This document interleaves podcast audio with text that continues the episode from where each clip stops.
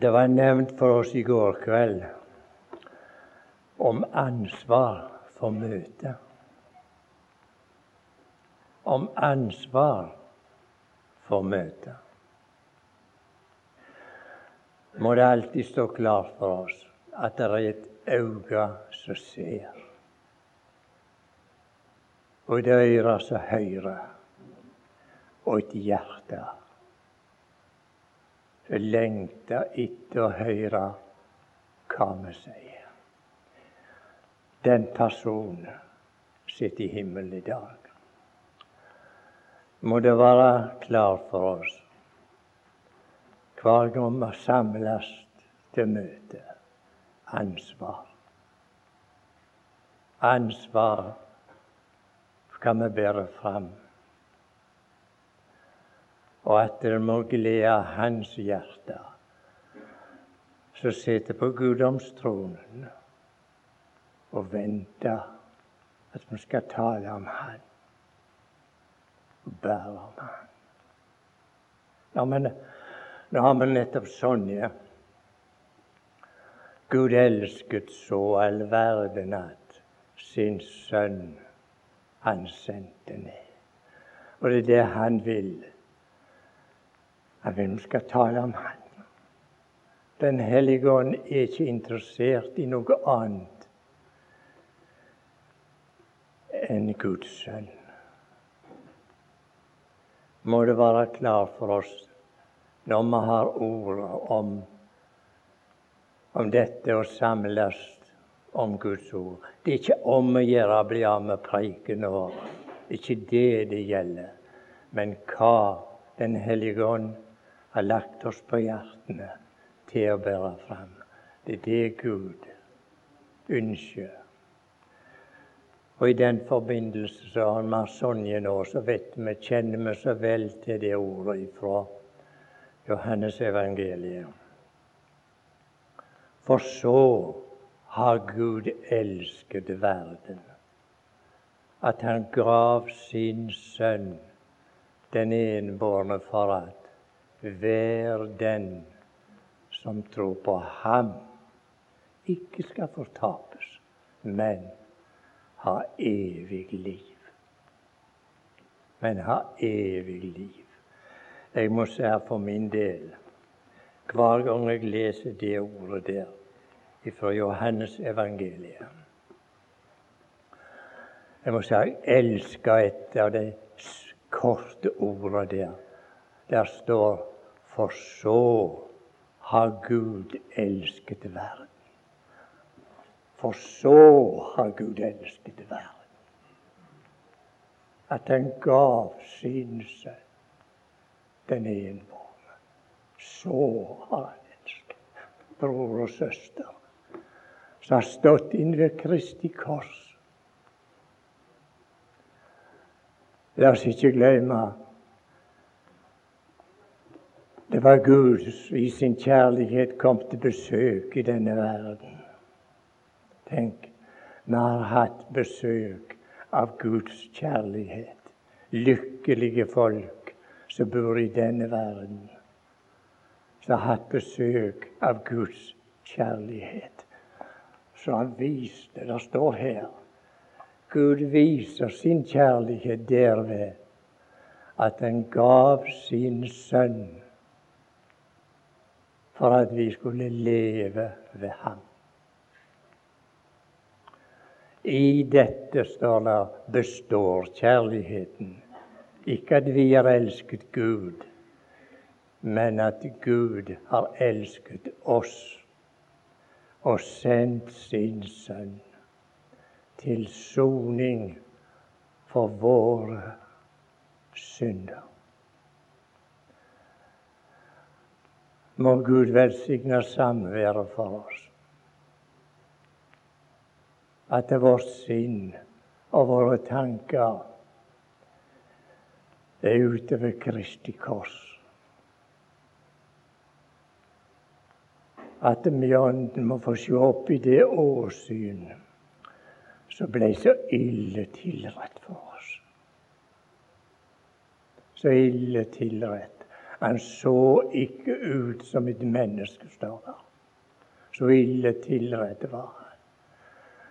Bror og søster, det er din og min frelser, dette er. Han som gikk i døden for oss. Må det være slik at det alltid er noe til overs for Guds hjerte i våre vitnesbyrd når vi samler. For det er et faderhjerte som ønsker å høre ifra disse dyrt kjøpte båndene hva de har å si om han. Må det gripe våre hjerter mer og mer dag for dag. At det er det eneste emnet Den hellige ånd er interessert i. Det emnet om Guds enbårne, elskelige sønn. Det er det det gjelder. Og Gud gi at det må bli mer og mer kjært for oss som har vandra fram i verden.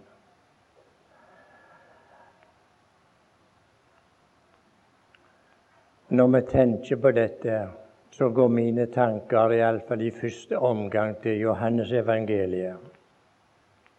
Det er vel i kapittel tolv.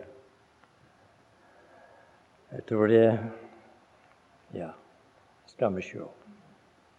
Det er iallfall i kapittel 12 i Johannes evangeliet.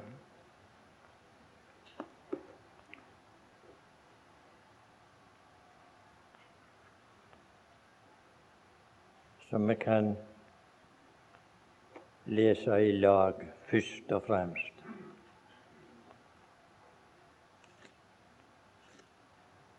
Johannes 12,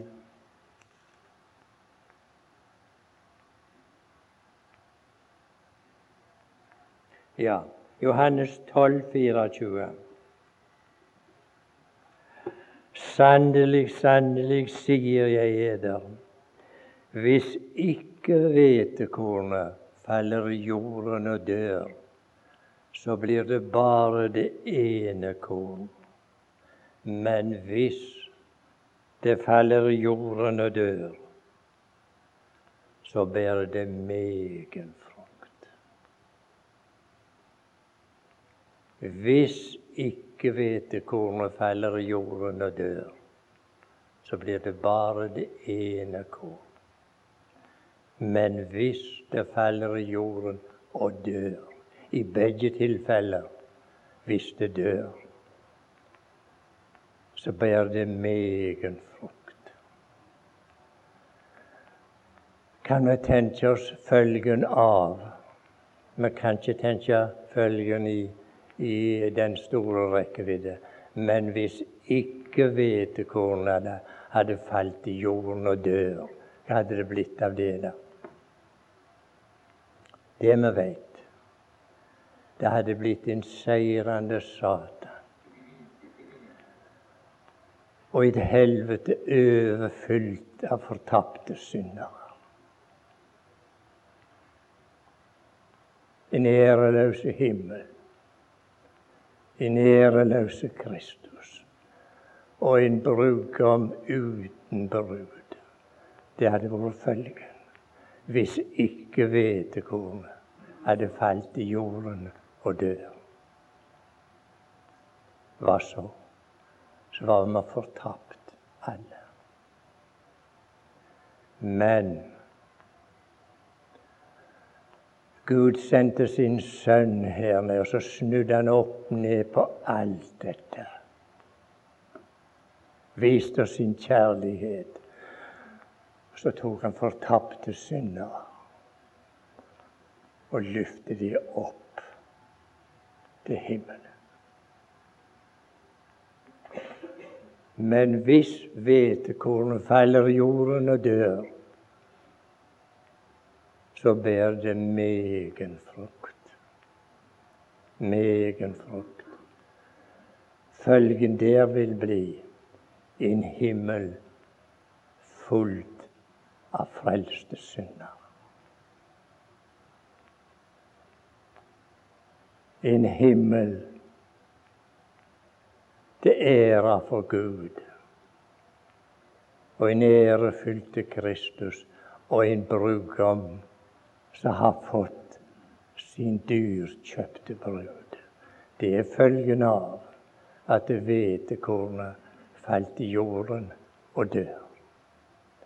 Må dette bli mer og mer kjært for våre hjerter. Hva Gud har gitt oss i sin enbårne sønn. At vi må mer ivre etter å tale om hva Han har gjort for oss. Og synes det er så Ja, hva skal jeg si da? Det er så inderlig godt å få lese det som står i Filippenserbrevet. Han som da han var i Guds skikkelse, ikke aktet det for et rov å være Gud lik, men av seg selv gav avkall på det. Tok en tjenerskikkelse på. Og da han var funnet som en menneske, fornedret han seg selv, så han ble lydig inntil døden. Ja, korsets død. Korsets død. La oss merke oss det. Det var ikke en alminnelig død, men korsets død. Og når vi leser i Guds ord, så ser vi det er den største begivenhet både som har skjedd i himmelen og på jorda. Og i all evighet, det er Kristi død. Ta bort Kristi død, så er vi fortapt. Det er ikke mer å si om det. Men Kristi død, hva den har, og hva den betydde, og hva den skal bety, det skal evigheten gi svar på. Vi vet allerede her hva Kristi død betyr. Det betyr frelse for fortapte syndere. Det var følgen av at Gud elska verden. Og så kom han. Ikledd kjøtt. Og forkynte evangeliet. Det står så rørende om han i første, ja, i første kapittel av Johannes brev. Han kom full av nåde og sannhet. Så landet han her, i denne verden. Han kom ikke med kongeprakt. Han måtte ta inn blant dyra. Han var ikke velkommen. Han var hata. Til og med av Guds gudsdyrkelsfolk så spotta de. Når han sa han var Guds sønn, så spotta de. Og du vet jo hvor de spotta han For mitt innblikk i det der når vi leser i Salme 42, er det vel. Når han sier 'Det er som om mine ben ble knust'. Når man hele dagen sier 'Å, din Gud'. Hvor å nå din Gud? Det var Guds hensikt å knuse han. Det var Guds hensikt å knuse sin enbårne sønn. Hvorfor? Du som hører Herren til å sitte her, du vet det inderlig vel. Og la meg spørre, er det kjært for ditt og mitt hjerte at Gud kunne knuse sin enbårne sønn? må det senke seg ned i våre hjerter, dette. Hva Gud har gjort for fortapte mennesker i denne verden. Måtte det glede våre hjerter så hører Han til hva Han har gjort for oss.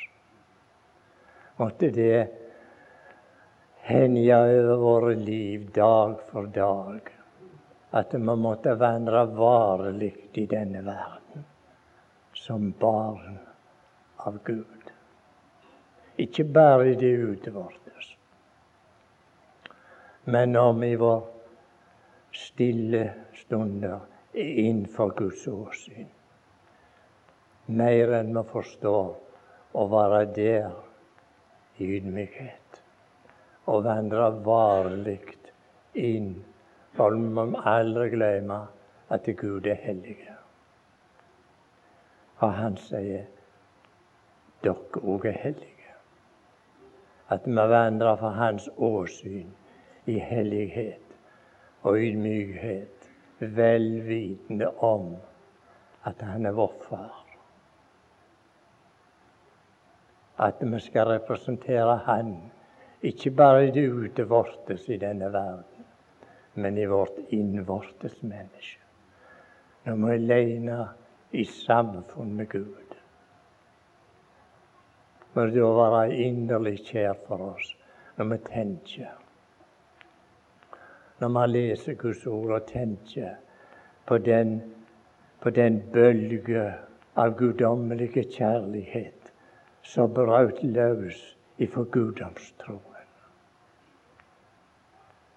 Jeg må av og til tenke med meg sjøl når jeg sitter tenker på dette.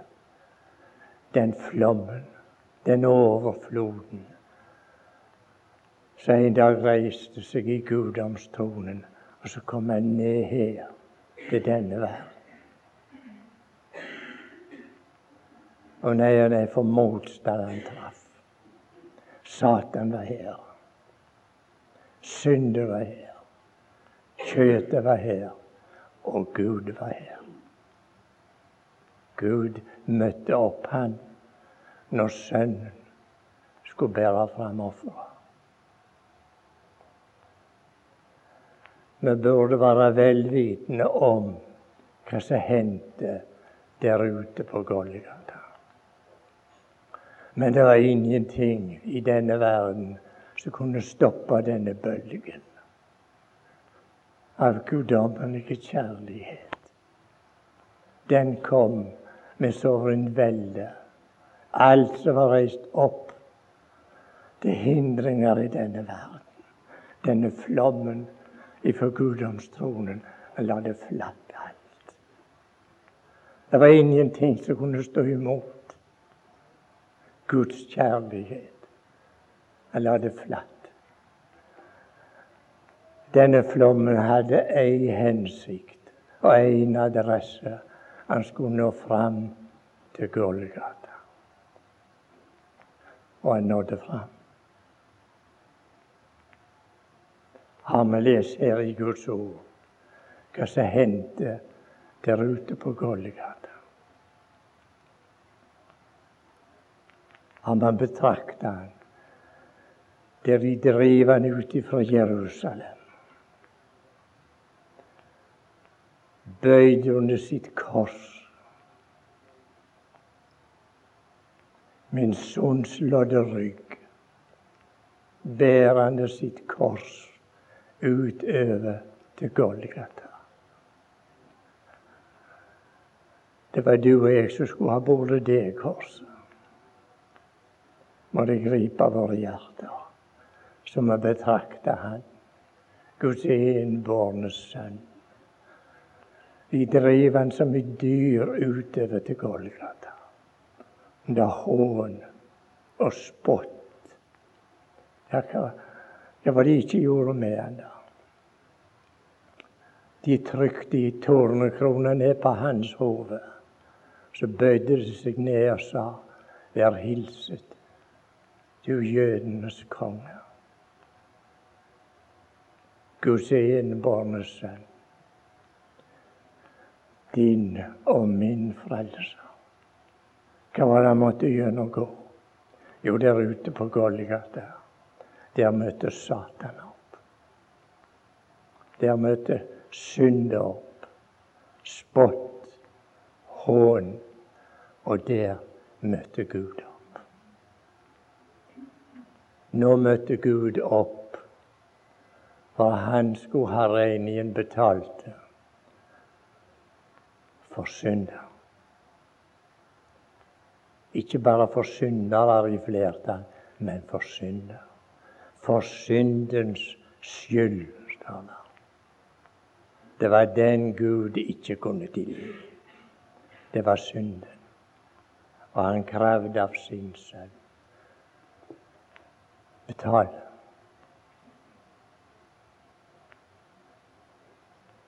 Nå har du stilt deg i bresjen for syndere i denne verden. Nå krever jeg betaling.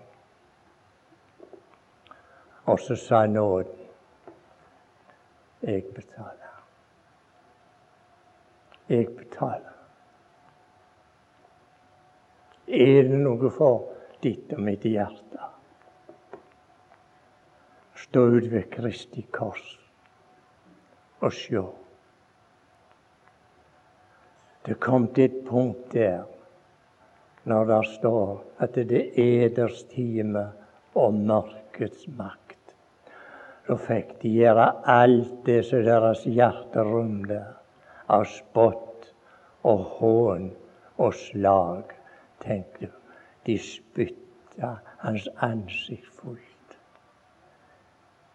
Ikke et ord til motmæle, for han spilte synderens rolle, han. Han kunne ikke ta til ord. Han som hadde skapt himmel og jord.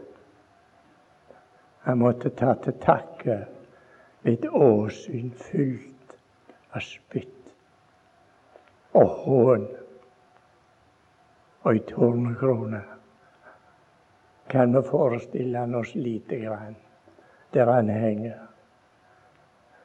Blod ifra det velsigna hodet. Guds sønn ute på Golgata. Han var et eneste sår. Sett ifra himmelen så var han et sår. Sitt nærante var han et sår. Så står det han er såra for våre overtredelser. Knust for våre misgjerninger. Straffen lå på ham for at vi skulle ha fred. Og ved hans sår har vi fått legedom. Du, er det noe for ditt hjerte, dette?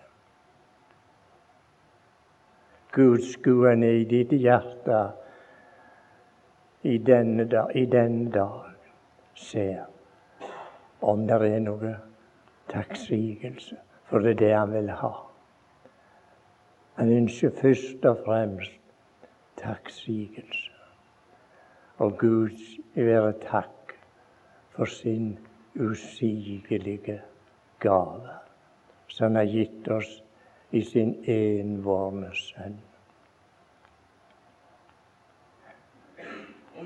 Det kommer nå for meg et ord så står det vel i første, første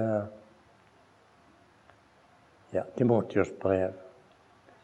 Der står det Vi kan lese det. Første Timotius brev.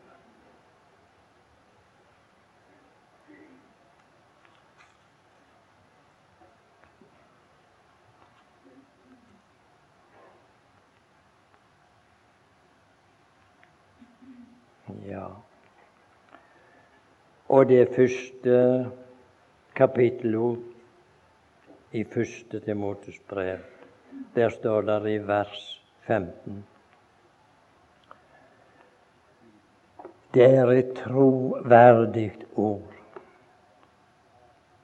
Hvor mange troverdige ord er i denne verden, da? Ja, ja. Her er av og til noen troverdige ord. Og så står det om dette ordet fullt verdt å motta er ikke alltid like mye verdi i disse ordene sagt både av oss og blant oss. De kan være troverdige nok, men de er ikke alltid like mye verdi i de å ta imot de. Men her er noe. Det er et troverdig ord og fullt verdt å motta. Så kommer det. Kristus Jesus kom til verden for å frelse synder. For å frelse syndere. Det er evangeliet i dag, og vil bli inntil Herren kommer og forløser synderne, som Han har kjøpt med sitt dyre blod. Jeg kommer nå på en beretning jeg leser for mange år siden.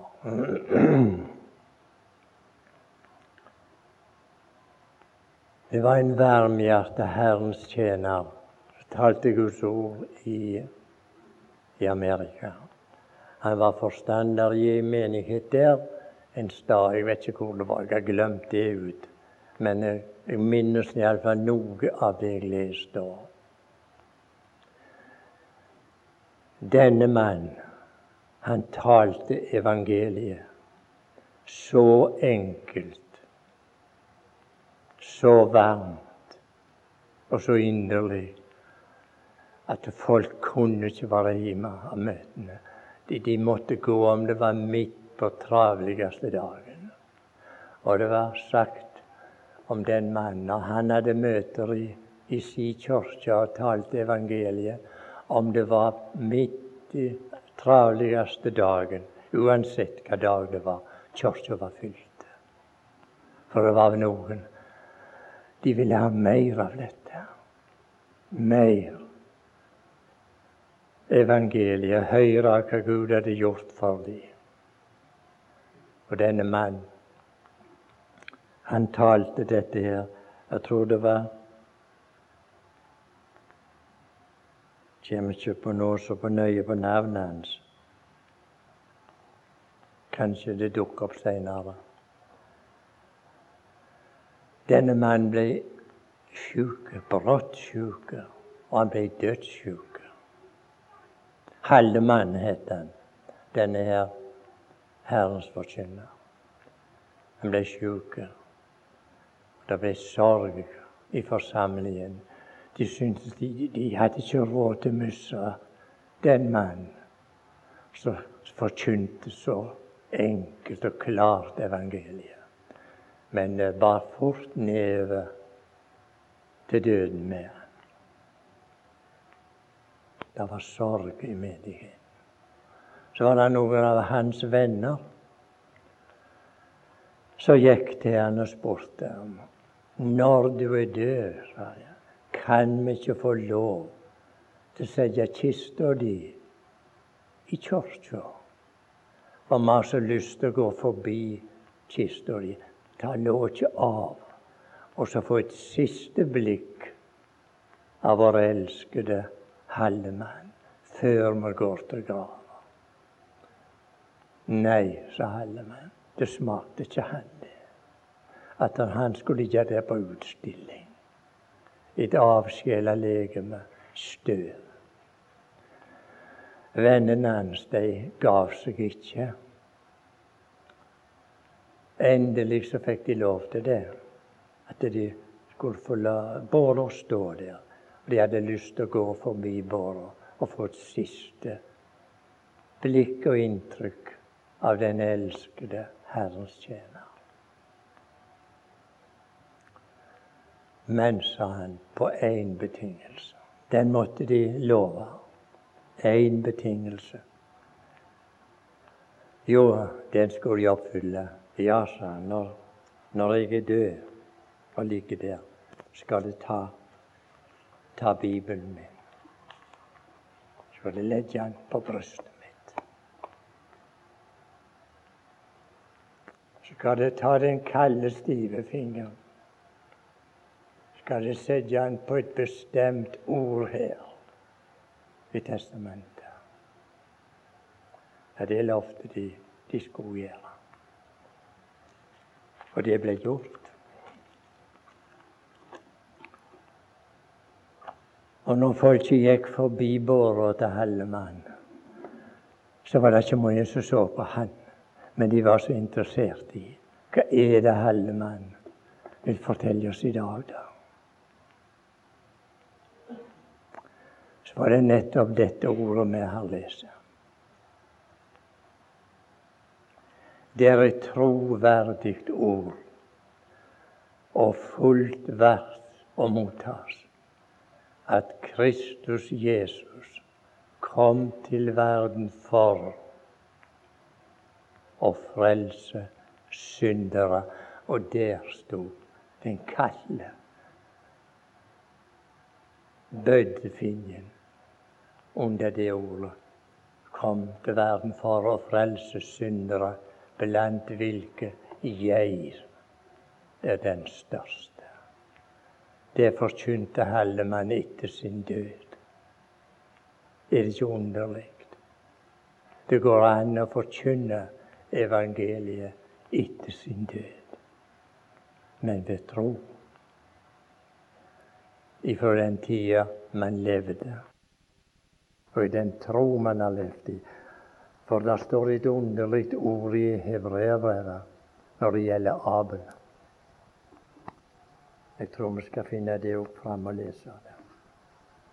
Det er i Hebreerne 11. Hvis jeg ikke tar feil. Ja, den kan bare ligge.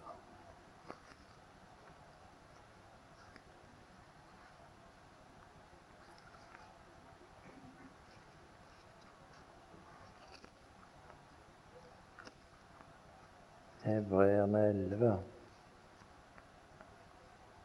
Det er så velkjent at det, det er ikke mange som har lest sin bibel som ikke husker på det.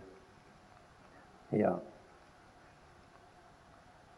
Det er Hebreerne 11, vers 4. Ved tro bar Abel fremfor Gud. Fremfor Gud. La oss merke ved tro bar Abel frem for Gud et bedre offer enn Kai. Vi vet hva offer han bar fra. Abel han bar det fram for Gud. Og ved den, altså ved troen,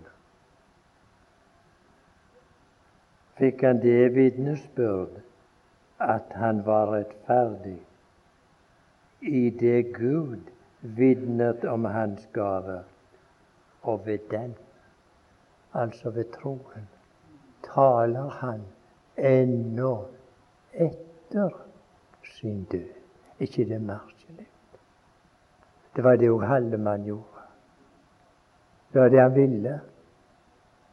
Han ville tale etter han var gått herifra. Det, det gjorde Abel. Og det er ingen i denne verden som har talt så lenge som Abel. Nå har han talt i over 6000 år. Men ved tro. Ved tro. Ingen andre. Det er den første troende vi hører her i Bibelen tale. Det er Abel. Så han holder på. Han har ikke liv så lenge. Men har han talt etter sin død i 6000 år, har han talt. Bror og søster.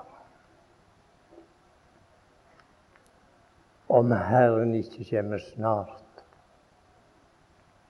hva skal du og jeg ha tale etter vår død?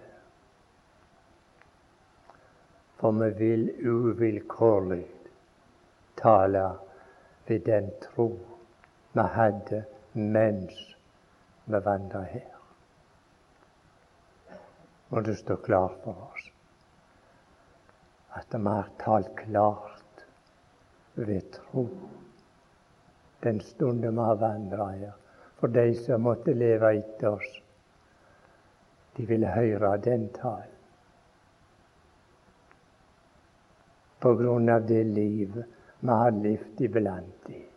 Og vi ikke har levd forgjeves på dette området, men tala etter vår død, om Herren ikke kommer snart. at vi kan tale klart om dette. Det eneste som er verdt å tale om. Evangeliet. Guds nåde til frelse for syndere i denne verden. Gud gi at med denne her tilslørte tida som er blitt så grå, ikke verken kristelige eller ukristelige lenger. Din grå masse. Men at gudsbåten måtte samles om dette ene å forkynne Guds evangelie, og ikke kjødets evangelie. Og vi vet hva det gir. De er store personer her i verden. Veltalende personer. Misforstå meg ikke, jeg har ikke noe imot veltalende personer. Jeg. Men jeg har noe til overs for deg om de ikke har så mange velvalgte ord, men i ånden bærer fram dette vidunderlige budskap om Guds kjærlighet. Nå skal vi snart møte Han. Her står det er bare så kort en tid. Så kommer hvem venter du på? Eller venter du ikke i det hele tatt? Er det et eventyr, dette her? At Herren skal komme snart?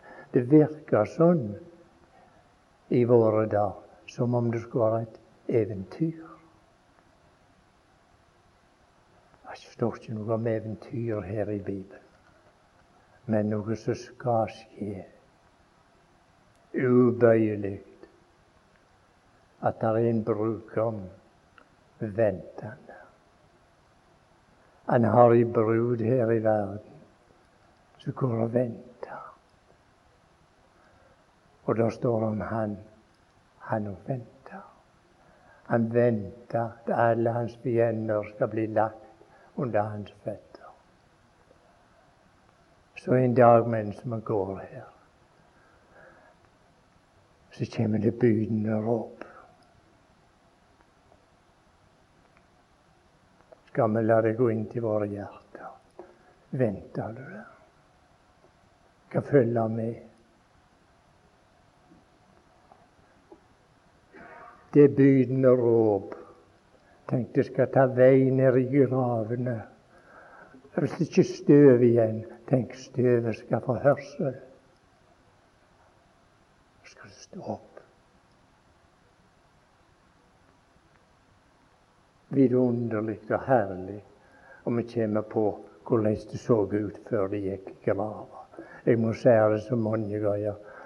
Og så elendig det ser ut. Det er oppete før det kom til grava. Men så skal det oppstå i kraft. For Guds munn, han som opplot sin munn og talte og døde, og det sto der. Han skal snart tale igjen. Og om ikke nå graver, så skal du og jeg bli forvandla, står det. Skal vi sammen med dem skal vi rykkes i skyer opp i luften for å møte Herren, Han som har talt, Han som han leser om her. Han som kom til verden for å frelse syndere. Og la meg få si det igjen. Måtte dette, som vi leser her i Guds velsigna ord, varme våre hjerter sånn at vi i sannhet kan si Kom, Herre Jesus, og kom snart.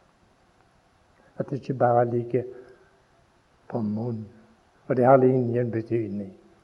Men kan Den hellige ånd i våre hjerter få fortelle oss brudgommen kommer snart. Du kan tro han venter for å ta denne dyrkjøpte bruden sin opp til guddomstro. Og vi vet hva han måtte gjennom for å kjøpe den. Er det under, underlig at han venta? Og hvis vi vet hva det kosta han å kjøpe denne bruden, er det slettes ikke underlig at vi òg venter. Vi venter. Og det står Det står et forunderlig ord, ja, ja. Forunderlig. Alt Guds ord er underlig. Og det står at Han er under. Han kan ikke gjøre noe annet, han, enn under. Der står et underlig ord, synes meg, må av og til se på det sånn for meg sjøl i all stillhet.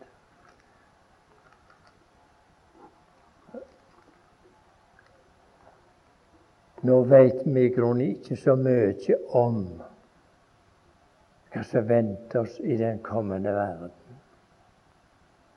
Men det vi vet, det er det at det er noe vi skal bli fritt, frie for her i denne verden. Her står i Johannes' åpenbaring Man kan lese noen vers der før vi avslutter. Bibelen forteller oss bl.a.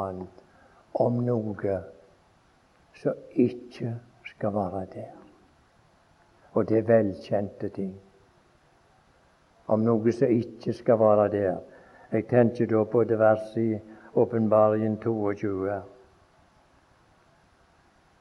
22.3.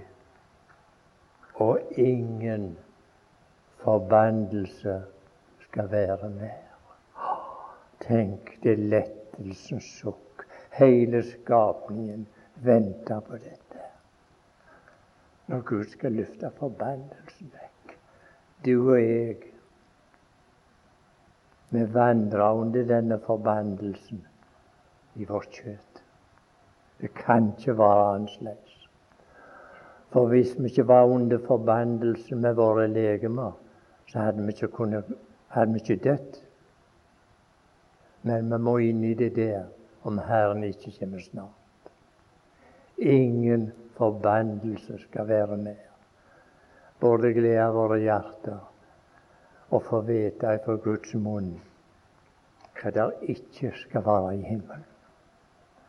Og da kan vi gå over til kapittel 21 og se litt videre på det. Der står om noe annet som ikke skal være der, men som i rikelig mon er her iblant oss i dag.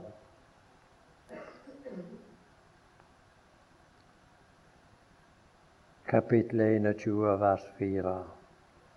Og han skal avtørre hver tåre av deres øyne.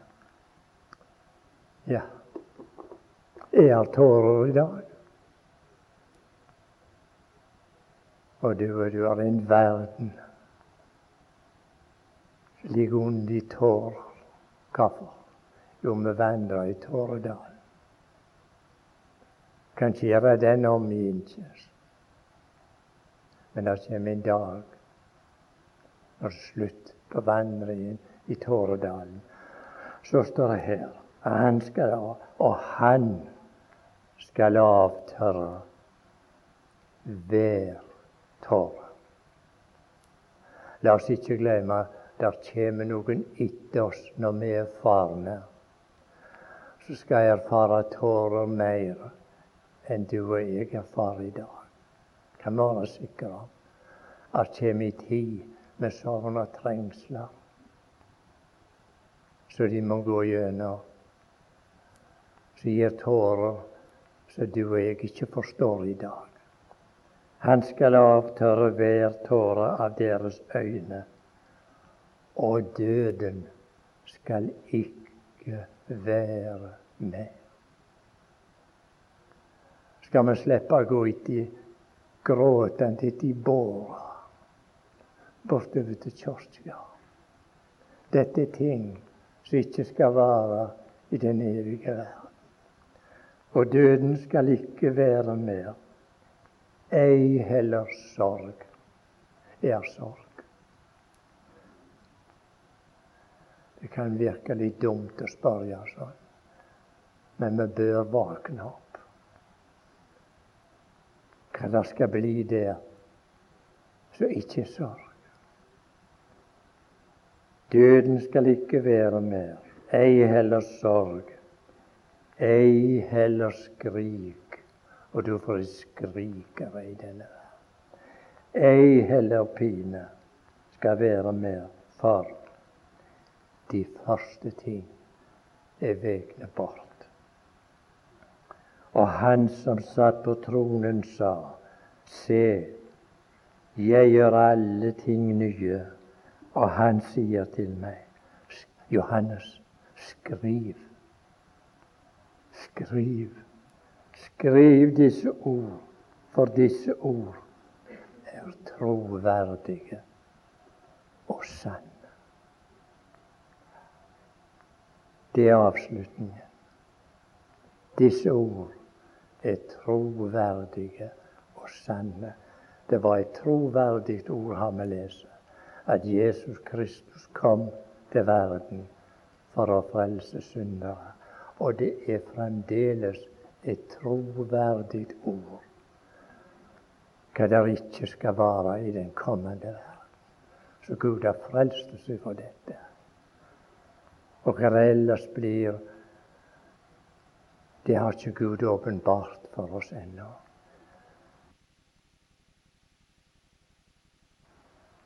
Nei, Johannes han sier Jeg kan ikke si det. Han fikk ikke ord. Han kunne ikke kle det i ord, det han hadde sett inn i den himmelske verden. Snart skal du og jeg åpenbares. Her står det, vet du, når Han åpenbares, da da var så. Da skal de òg åpenbares med ham i herlighet. Er da tåredalen? Den borte. Da med hans velsignede nærhet.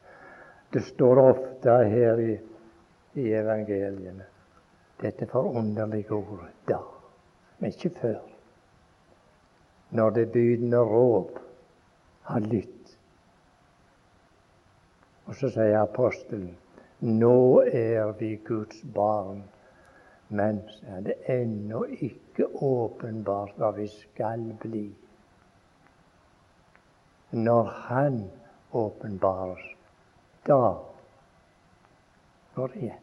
Da skal vi se Han som Han er og skal bli like.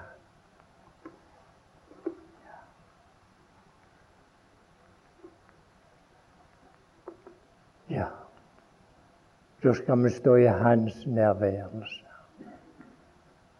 Tenk, da skal vi oppdage Tenk, vi er blitt like Han. Så står vi der. Er blitt like Han. Han som kom her med og måtte bli like oss, dog uten synd. Så skal vi stå i Hans nærværelse i all evighet og være like Han. Herre vår Gud, vi har lyst å bøye oss i takknemlighet og si Gud være takk for sin usigelige gave. Vi har lyst til å være det fram i Jesu navn og til Hans ære. Skal vi, før vi skils, synge den sangen som vi finner på फिर रात रात भर।